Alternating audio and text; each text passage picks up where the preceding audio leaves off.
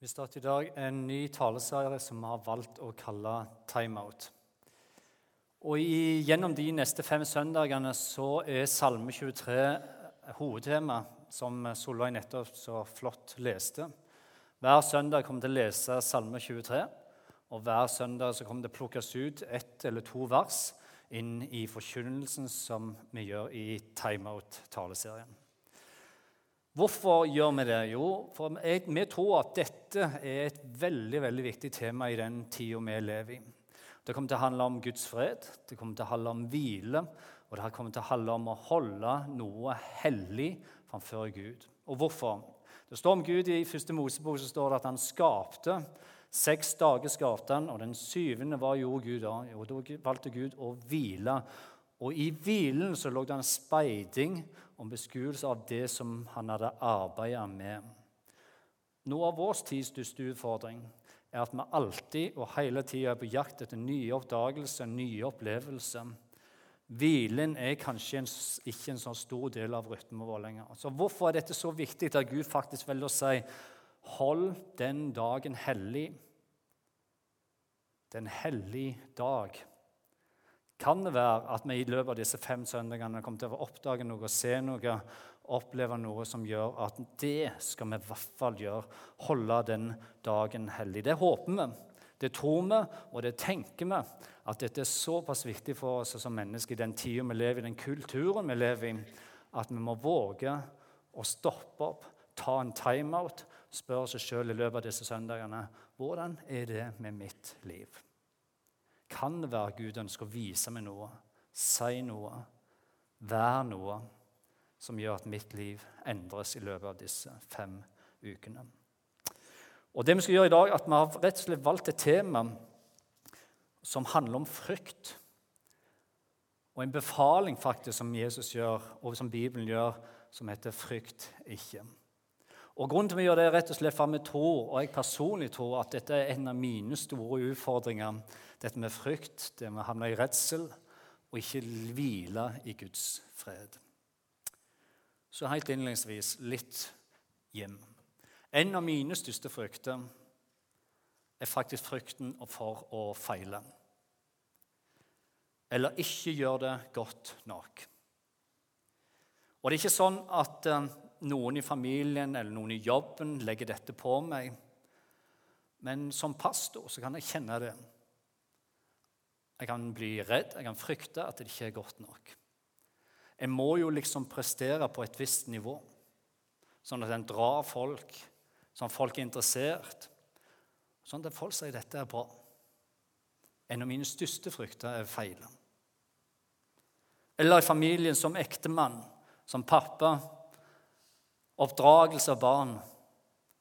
Jeg frykter at jeg ikke er god nok.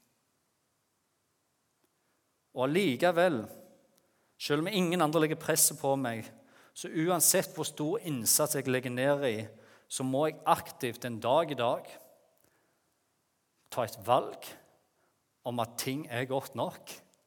Ting er bra nok. Og når denne frykten kommer, og den redselen jeg kan møte for å ikke prestere godt nok, så må jeg lære meg at det fins et sted der jeg finner det som er sant om Jim, om situasjonen. Og Det stedet er et hvilested, og det må jeg ha i mitt liv. Sånn at det ikke spinner helt bananas. Så det jeg gjorde i forberedelse til denne talen, var at jeg gikk inn for å google litt. av og til å gjøre med det, Men jeg googla hva er de største fryktene liksom mennesker har. Og Da googlet jeg på nettet, og det første som dukket opp, var jo skikkelig bra for meg, for det var å tale i store forsamlinger. Eh, så takk for den. En annen var frykt for høyde, altså høydeskrekk. Noe annet som kom veldig høyt på lista, det kan være noen kjenner seg igjen i dette her, var frykt for insekter, edderkopper, krypdyr. Noen kjenner seg igjen i det? Og så var det frykt for flyturer, lyn og torden, mørke og terror. Og Sannheten om alle disse fryktene, eller fobien, om man kaller det, er at i grunnen så trenger vi ikke frykte noen av dem. For sånn statistisk sett så er det så vanvittig, vanvittig, vanvittig liten prosentsjanse for at vi noen gang kommer til å havne i fare med noen av disse fobiene. Og allikevel, Selv om vi vet om at de norske edderkoppene ikke er farlige, så hyles det, og så skrikes det, så løpes det som om en illsint okse etter oss pga. en liten edderkopp. Her For noen år siden fikk jeg besøk fra noen venner fra Amerika. Det er noen kontakter vi har der borte gjennom en menighet. Og De var her på ferie, og et av de største ønskene deres var å få lov til å reise til Preikestolen.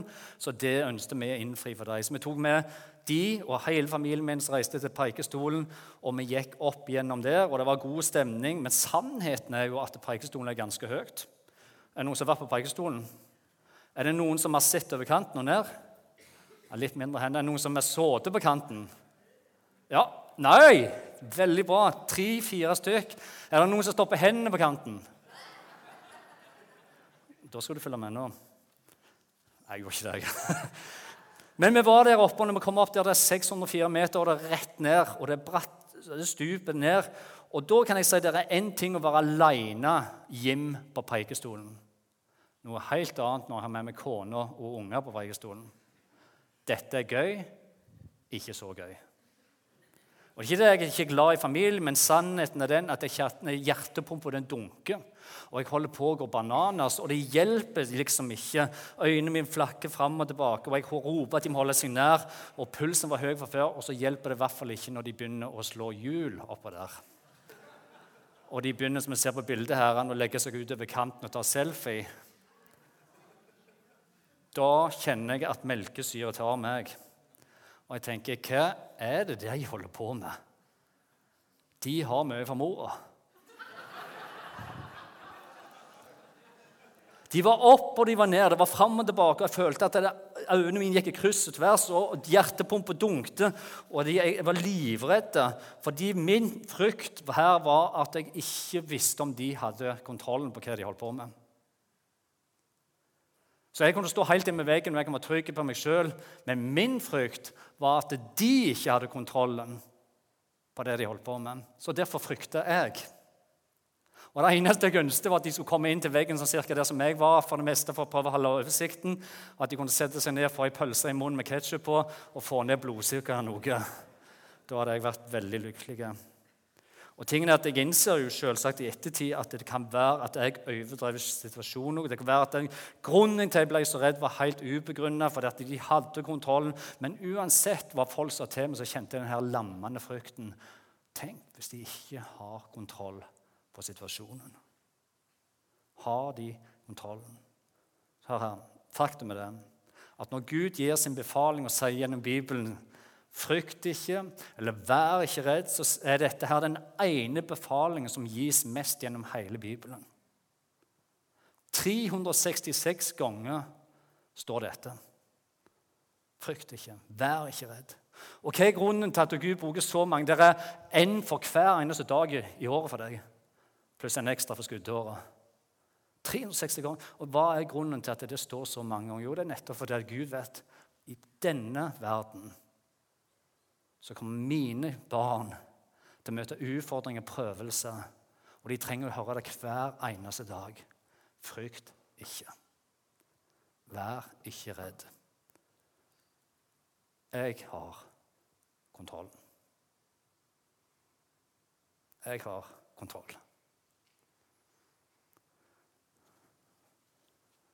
Og sannheten er at for meg i hvert fall, at selv om jeg sånn intellektuelt vet at Gud er trofast, og at han har kontrollen, han aldri forlater meg Selv om jeg vet det, selv om jeg leser det, selv om det står 366 ganger i Bibelen, så havner jeg ennå den dag i dag i situasjoner som gjør at jeg bekymrer meg, at jeg blir redd, og at jeg møter frykt for hva som skal skje. Og hvorfor gjør jeg det? Jo, fordi det er naturlig for oss mennesker å gjøre det. Det er naturlig når vi ikke har kontrollen, når vi møter noe, skal trå inn i noe som vi ikke har kontrollen på, som vi overlater kontrollen til noen andre, så det er naturlig at vi kjenner på frykt. Og Derfor sier Gud det 366 ganger stol på meg. Frykt ikke. Jeg har kontrollen. Og det er min påstand da i dag er dette at grunnen Der vi kan kjenne på frykt. Og grunnen til at Gud står her og sier jeg har kontrollen, at Gud ønsker å lære oss noe. Grunnen til at vi møter prøvelser, grunnen til at vi møter frykt i livet, kan være at Gud ønsker å bruke disse prøvelsene, den frykten, til å lære oss noe om Han og om oss sjøl. Og Det er akkurat det som skjer i Markus 4, som vi skal inn i nå i dag.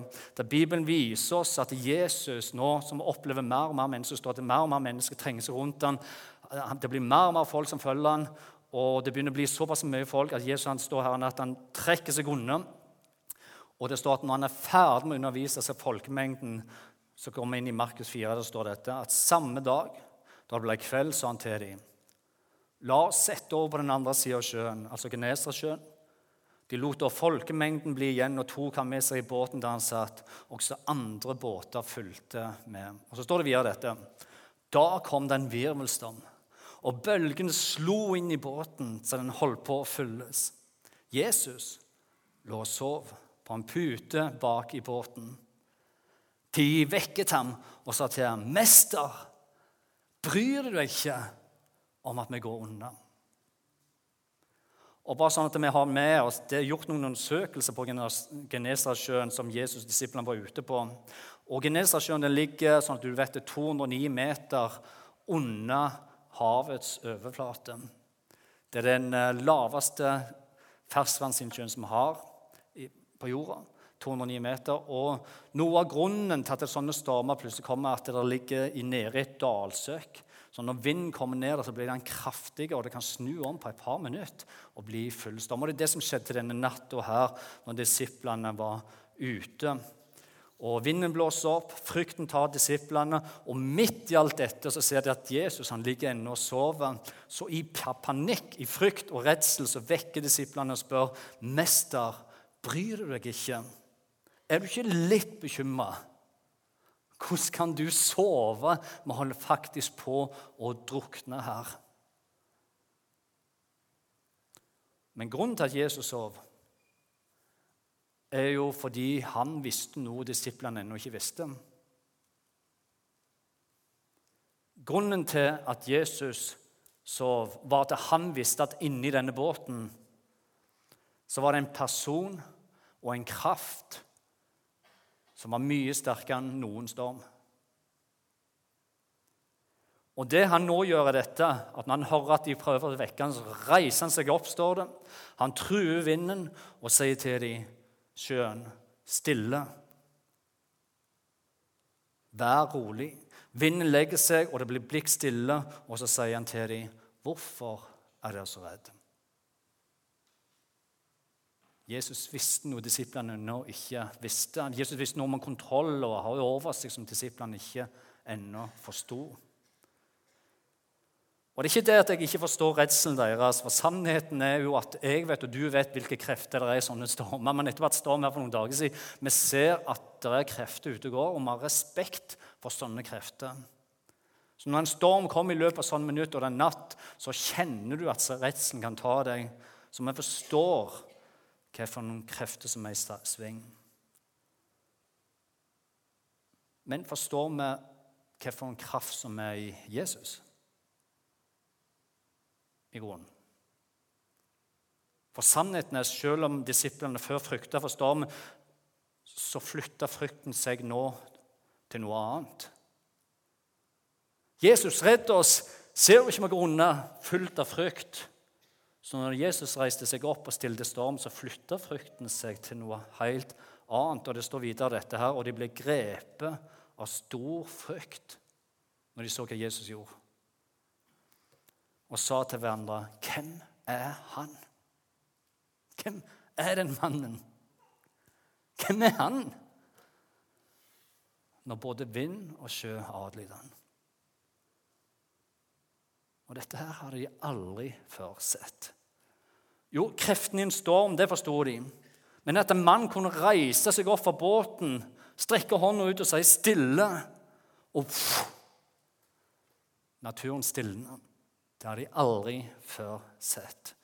De kreftene hadde de aldri før sett. Og der stormen først fulgte de med frykt, der fulgte Jesus de nå noen minutter etterpå med ærefrykt. Wow! Hvem er han? Hvem er han?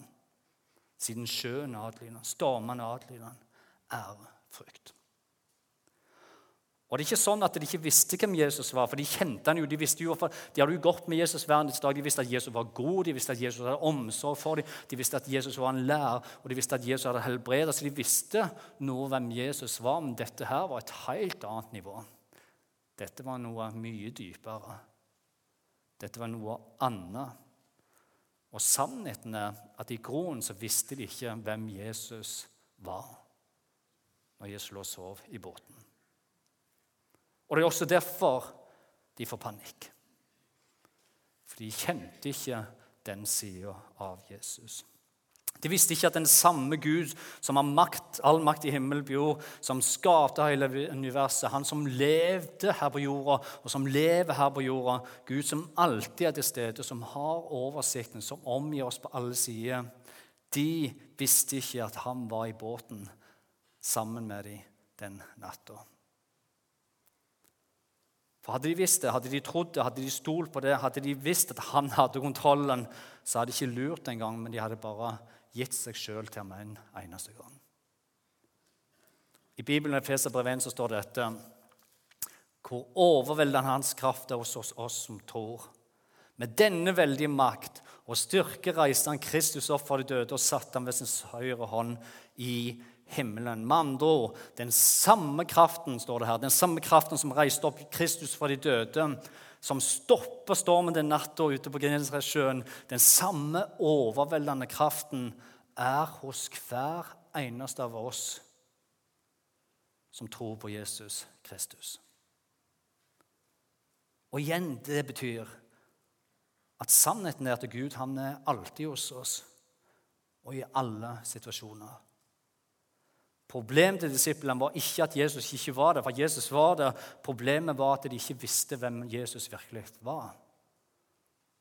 Og hvem Jesus virkelig var. Og det her i dag sier det at det hjelper ikke oss. Det hjelper ikke Jim om det står 366 ganger i Bibelen 'frykt ikke', 'vær ikke redd'. Det hjelper ikke meg om jeg ikke forstår at Jesus faktisk er en som kan gi fred. Jesus har kraften og makten i seg til at jeg kan gi deg den hvilen som jeg trenger. Om ikke jeg lærer meg å sette av tid og bli kjent med Han, sånn at jeg forstår hvem Han virkelig er, så hjelper det ikke om det står 366 ganger i Bibelen hvis jeg ikke har tid til å bli kjent med Han. Så hvem er i din båt? Hvem er det du har med i din båt? I din livsbåt. Hvem er det som er med deg? Som oppmuntrer deg, som gir deg styrke og mot. Hvem er det som er i din båt når du er på jobben? Når du er hjemme i familien, hjemmet ditt? I oppdragelse av ungene i oppveksten. Hvem er det som er med deg i båten, i tjenesten i menigheten, på kontoret, i klasserommet ditt? Hvem er i din båt? Hvem er han for deg? Jeg bare elsker denne historien her om en fire år gamle jente som var hos doktoren. det kan være du hørte, Men i, det doktoren lyste det inn i øret hennes for å sjekke om det var noe galt. Så sier doktoren sånn Tror du at jeg finner en, liten fugl her i øret ditt? Liksom For å være litt uh, snill og grei og få litt kontakt med den fire gamle jenta. Men hun svarer ingenting. på det. Det neste han går, er når han skal lukke opp munnen for å sjekke om det var sår i halsen. så han sier dette her. Tror du jeg finner en liten godterivenn inni her, da? Men hun sier ingenting, ingen svar i det hele tatt. Så flytter han seg ned og han begynner å lytte til hjertet hennes. og men her, da, sier han, tror du jeg finner ei lita barbiedokke her inni, da? Og da lyser jenta opp og sier nei, aldri tale om. For her er det ikke plass til noen andre enn Jesus, men Barbie har på pyjamasen min. Og da har du forstått det. Da har du forstått det. Hvor stor del og stor plass har Jesus i mitt liv? kjemper han om plassen med andre. Hvor stor del har han i mitt liv? Fordi Hvor stor han er i mitt liv, vil gi seg utspring og forståelsen av når du møter frykt, bekymring, stormer i livet.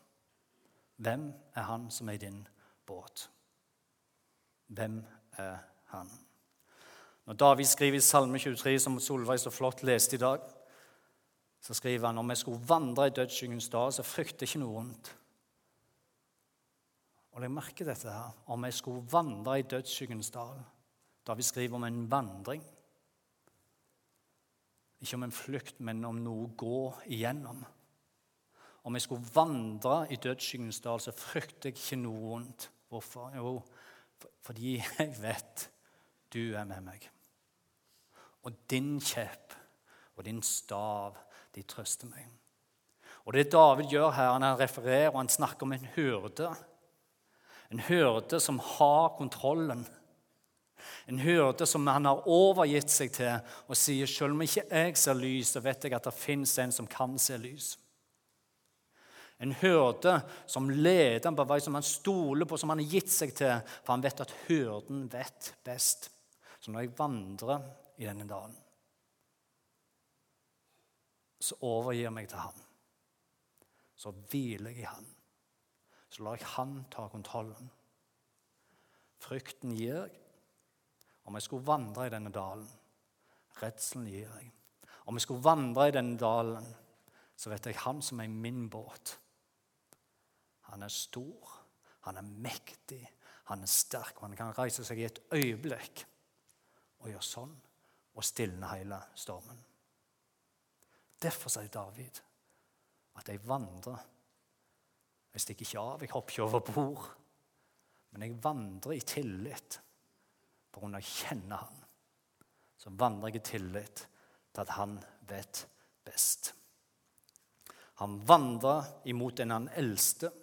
Han beveger seg i kjærlighet. Og er det ikke sånn med oss alle, da, at graden av kjennskap hvor mye du faktisk kjenner en person, eller blir kjent med en person.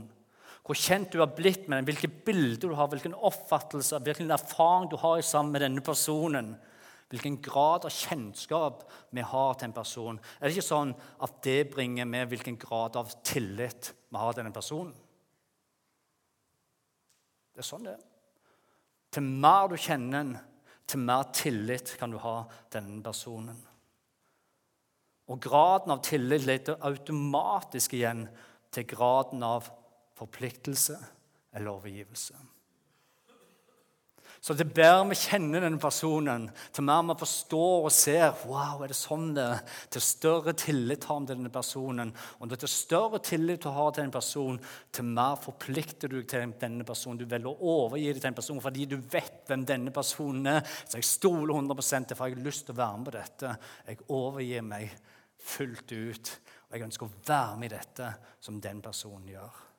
Og Pga. den kjennskap, på den tilliten og av den forpliktelsen du velger å gjøre, eller overgivelsen, så kommer du til graden av åpenbaring eller oppdagelse.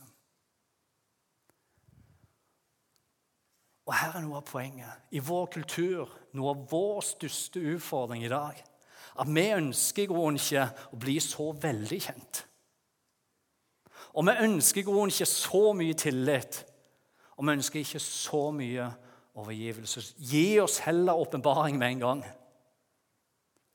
La oss få oppdage, oppleve. Wow, la oss klappe, ha det bra. Mens Guds vei til åpenbaring, til oppdagelse, til å få se det disiplene så når de så han reiste seg, er gjennom relasjon, kjennskap, som igjen fører til en tillit. For Gud han ønsker ikke bare oppdagelse, han ønsker ikke å vise seg. Det er Gud først og fremst ute etter en relasjon. Et kjennskap som vokser sammen, som blir sterkere sammen, som gjør at Jim får mer tillit til han, og Gud han fryder seg og gleder seg sammen. Og så får Jim ikke bare tillit, men Jim vil faktisk omvende seg fra sist stund. Han vil legge bak seg, vil gi frukten til ham, vil gi alt det som jeg kjenner utfordrende i mitt liv. Og jeg stoler som David når han gikk under syngelser, så bare, jeg stoler ikke bare på Jim, men jeg faktisk har fått en sånn kjennskap og en tillit til Gud at jeg overgir min frykt og overgir min redsel til han. Og mine synder til han. Og hva skjer da? Når Gud får lov til å kle av meg mer og mer, bli mindre av meg sjøl og bli mer av Gud, da får jeg større oppdagelse. Som disiplene, som fikk lov til å se Jesus reise seg opp. Wow! Det er den Gud som jeg tilhører. Det er den Gud som jeg får lov til å leve i sammen med og være i sammen. Wow! Hvem er den mannen? Jo, det er Jesus Kristus. Han som kom ned, som ga seg sjøl for oss alle for at vi skal få lov til å få del i og få et lite glimt av det som Gud ønsker for vårt liv. Og Guds vei hvile, fred. Bruk tida til å bli kjent med meg, sånn at du stoler på meg, får tillit til meg. Overgi deg sjøl til meg mer og mer. Som David vandrer sammen med meg, så skal jeg vise hvem jeg virkelig er. Amen. Jesus sier i denne verden så kommer det til å bli prøvelse. Det kommer til å bli tøffe tider. Og Tror du på han og lever du som en kristen, så sier Jesus vet du hva? Det vil bli forfølgelse. Det vil bli tøffe tider. 1. Peters brev 4 så står dette. Mine kjære, vær ikke forundret over den ildprøven dere må gå igjennom. Vær ikke forundret. Det er sånn det er. Det vil være en prøvelse, og det vil være en ildprøve som om det henter dere noe uventa, står det videre. Gled dere jo mer dere får del i Kristi lidelse. Så kan han også juble av glede når han åpenbarer seg i sin herlighet. Salige er dere, velsigne er dere når dere blir spotta for Kristi navns skyld. For Guds ånd, herlighetens ånd, hva gjør den?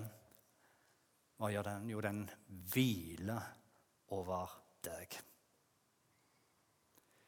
Og Jeg vet ikke om du kjenner igjen i dette, her, men en av de mest vanligste bønnene vi ber om når vi møter utfordringer eller prøvelser i det som er ubehagelig, dette her Gud, please, ta dette bort.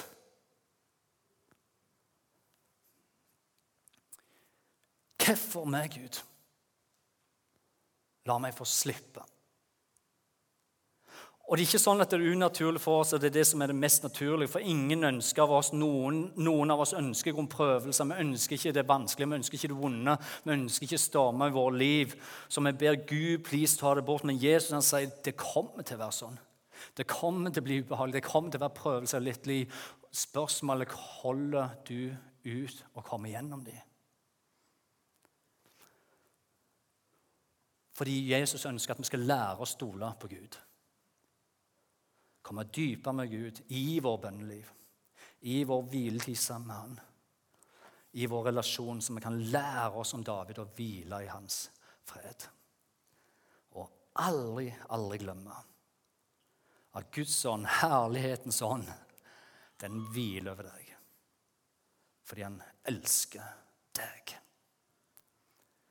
Joni Tadam som er forfatter som har skrevet utallige kristne bøker, Hun skriver dette her. Når livet er rosenrødt, og klarer oss med oss jo med å vite om Jesus. sant? Med å imitere han og sitere han og tale om han. Men det er først når prøvelsene og lidelsen er der, at vi lærer Jesus å kjenne.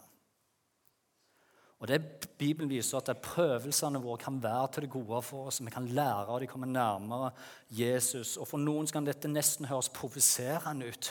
Hva du står og sier. Ser du ikke smerten min? Ser du ikke hvor vondt jeg har det? Ser du ikke hvor lenge jeg har gått her? Og så sier du at prøvelse skal være til det gode. Og Kanskje noe av grunnen til at dette er provoserende fordi ja, det er sant at det du står i, er tøft. Det er vanskelig. Men Jakobs brev 1,12 sier dette. Jeg merker det står Salig er det mennesket som har det komfortabelt. Nei, det sto ikke det. Gjorde det? Nei. Salig er det mennesket som har et liv som er bare helt fantastisk. Som vi ønsker og ber om. Nei, nei, det sto ikke det heller. Det står 'salig er det mennesket som aldri må ta tak i noe'. Som kan leve og være populær. Nei, det står ikke det heller. Gjør det vel, for det, det står i dette her 'Salig er det mennesket som holder ut i fristelsen' som holder ut. For når han har stått sin prøve, når han ikke har stukket av, når han ikke har bedt Gud, ta det vekk, ta det vekk, ta det vekk Når han ikke har hoppet over bord eller snudd Gud ryggen Men når han har stått sin prøve, skal han få livets seierskrans. Som Gud har lovet de som elsker han. Og hvem er det som elsker han? Jo, det er de som lærer han å kjenne. Kjennskap til han. Og Kanskje det er nettopp det som er en av våre tids største utfordringer i det vår streben etter det perfekte livet blir vår største fiende. Det er at vi stadig er på jakt etter det perfekte, på det gode livet, en lengsel, en opplevelse som skal fikse på vår underliggende rastløshet eller vår underliggende utilfredshet. Så søker vi inn i opplevelser og bruker massevis av penger, massevis av tid for å bli godt litt og finne det perfekte, det som er bra for oss. Så vi kjemper en kamp, og så nedprioriterer vi hviletid, kjennskapstid. Og selv om vi kanskje ønsker sånn, så er faren for at vi lander i livet vårt ned til dette her, at vi får faktisk mindre tid til dypere kjennskap, mindre tid til dypere tillit, mindre tid til overgivelse og mindre tid til forpliktelse å gi seg og ta et ansvar i oppdrag som Jesus faktisk ga oss. Grunnen til vi faktisk er her. Det Jesus ber oss om, er å holde ut og ikke gi opp, men stole på at han som er der, han er med deg i livets båt, og han kan reise seg, og han kan følge deg, han kan lede deg, og han faktisk endre situasjonen sånn om han ønsker det sånn sjøl. Thomas Judin skriver i boken sin 'Det er mye du ikke må'. Det er en bok som jeg faktisk anbefaler dere å kjøpe. Og Han skriver dette. Indre stress, tvangen til stadig utvikling, er det åndelige livets verste fiende. Troen er en kjærlighet, og kjærligheten kan aldri piskes fram. Derimot beveger vi oss uten at noen engang må be oss om det. Og hvor beveger vi oss? Jo, vi beveger oss i retning av den vi kjenner oss elska av. Så hvor godt kjenner du Jesus? Kjenner du at du er elska av han? For hvis du ikke gjør det, så kjenner du ikke Jesus fullt ut. Og slik Gud ser den, så er ikke vi summen av våre nederlag, vi er ikke summen av våre feil og mangler. Vi er heller ikke summen av vår tilkommenkortheter. Vi er mye, mye, mye mer enn det. Og det var det disiplene fikk lov til å se denne dagen når Jesus reiser seg på Genesaretsjøen. Fordi vi er som mennesker. Ja, de frykter. Ja, vi er som mennesker i støpeskjeen. Vi er som mennesker i pottemakerens hender der han former og danner oss og lærer oss fordi han ønsker vi skal stole på han. Lære oss å stole på han. Vi må ikke gi opp, vi må holde ut. For sannheten er den, og her er poenget Jeg skal snart slutte. Hvis Jesus den natta kunne reise seg opp og stilne stormen og legge havet dødt. Så klart. Hvis, hvis han er i din båt Så klart kan han. Så klart kan Jesus. Om det handler om avhengighet. Så klart kan Jesus. Om det handler om sykdom Så klart kan Jesus. Om det handler om vanskelige ting i ekteskapet Så klart kan Jesus. Om det handler om vanskelige ting med oppdragelse, barn eller økonomi Så klart kan Jesus. Sette av tid, bli kjent med han. Som David vil han få lov til å lede deg gjennom det du står i. Det er naturlig for oss når vi møter frykten, at vi ber om løsning og bebarelse med en eneste gang. Og kanskje får vi det. Så klart Jesus kan. Jesus kan reise seg opp og gjøre sånn. Men gi ikke opp, er hans budskap. Søk inn til meg. Hvil hos meg. Søk min fred, og legg alt over på meg, så jeg kan få lære deg at du kan stole på meg. Jeg er hyrden som leder deg igjennom, som vandrer sammen med deg. Amen. Er ikke det en sannhet? Det er virkelig en sannhet, en bibelsannhet. Og det er bra at vi kan få lov til å starte denne serien med nettopp det. Vår kjennskap til Han leder til vår tillit til Han som igjen leder til vår forpliktelse eller ansvar til overgivelsen vi gir til Han, som igjen leder til Wow! Er det sånn du er? Jeg bare elsker deg mer og mer. Og når du elsker noen, hva skjer da? Da blir du dratt imot den. Skal vi be sammen helt, helt til slutt. Takk, gode Jesus, for det det er godt å få lov til å vite det, at ditt ord igjen og igjen sier det her. Og 366 ganger så sier du 'vær ikke redd og frykt ikke'. Og Det er fordi det ligger en kjærlighetserklæring i hver eneste gang det ordet kommer. En kjærlighetserklæring fra deg til oss. En for hver dag. Har, jeg elsker deg.